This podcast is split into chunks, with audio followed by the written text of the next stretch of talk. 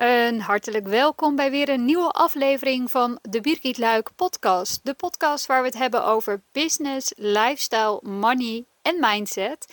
En in deze aflevering wil ik je graag meenemen naar iets wat de afgelopen tijd uh, bij veel van mijn trajecten de hoofdrol heeft gespeeld en zo ook bij mezelf. Want ik wil het graag met je hebben over mijn stoplichtmethode.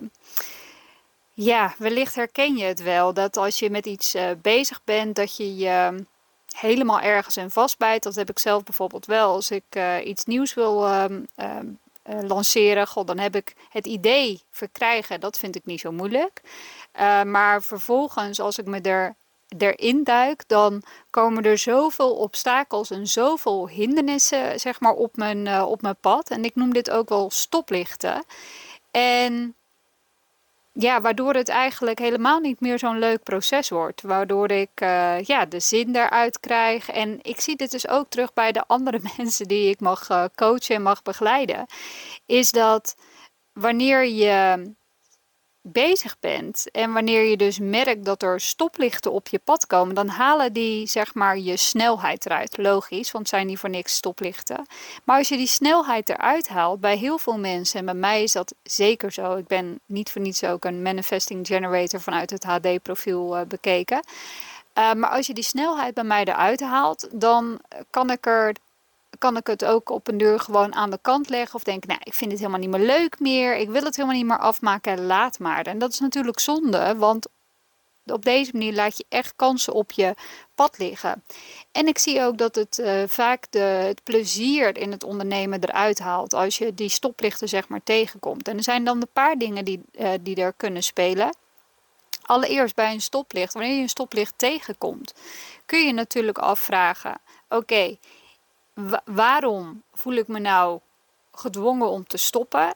Is dat omdat ik nu allemaal taken zit te doen die ik eigenlijk niet zou moeten kunnen doen of die ik niet zou moeten doen? Kan iemand anders mij daar misschien in helpen, waardoor ik zelf de vaart erin kan blijven houden? Dat is een hele goede vraag die je zelf kan stellen.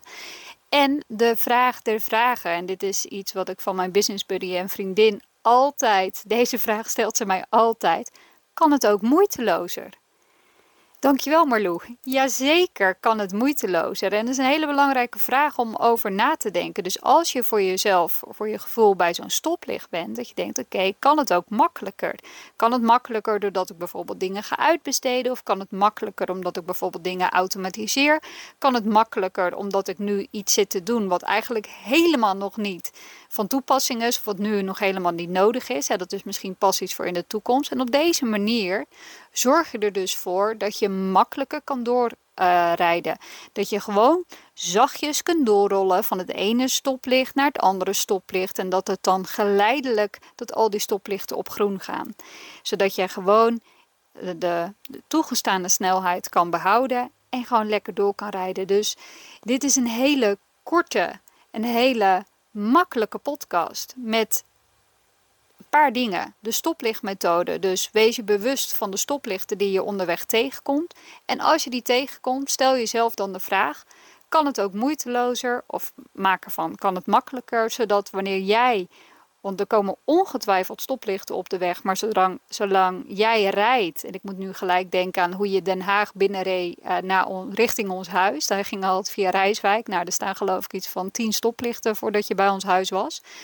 En soms had je natuurlijk het geluk dat al die stoplichten precies zeg maar op groen uh, sprongen. Nou, dat, dan zit je in een flow. En zo kun je dat dus ook vergelijken met ondernemen. Dus als je jezelf de vraag stelt, kan het moeitelozer? Zodat je de dingen doet die jij moet doen en al het andere op een andere manier voltooid of uh, voor de toekomst bewaart.